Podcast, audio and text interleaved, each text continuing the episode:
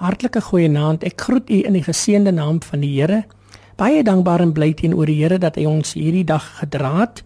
En terwyl die aand ver gevorder is, is dit so 'n wonderlike voorreg om hierdie skrifgedeelte aan u te bring. Jakobus 4 vers 4. Egbreekers en egbreeksters, weet julle nie dat vriendskap van die wêreld vyandskap teen God is nie? Wie dan vriend van die wêreld wil wees, word 'n vyand van God. Die vraag is vanaand, liewe luisteraar, aan wie behoort jy? Christus of die wêreld? Dit is nie die wêreld wat ons besmet nie, maar die liefde vir die wêreld. Die toegewyde kind van die Heer het geen behoefte aan die dinge van die wêreld wat die wêreld aanbied nie. Christus is sy versadiging. Pas op vir ledigheid. Die duiwel versoek ledige mense, want ledigheid is 'n versoeking van die duiwel.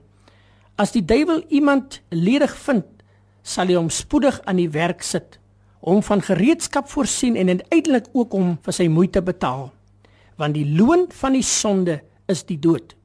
Hoe nader jy aan die wêreld lewe, hoe minder sal jy in staat wees om teen die versoekings van die duiwel weerstand te bied en hoe nader jy aan die Heer leef, hoe minder sal jy vir die dinge van die wêreld vatbaar wees en hoe minder sal die wêreld jou bekoor.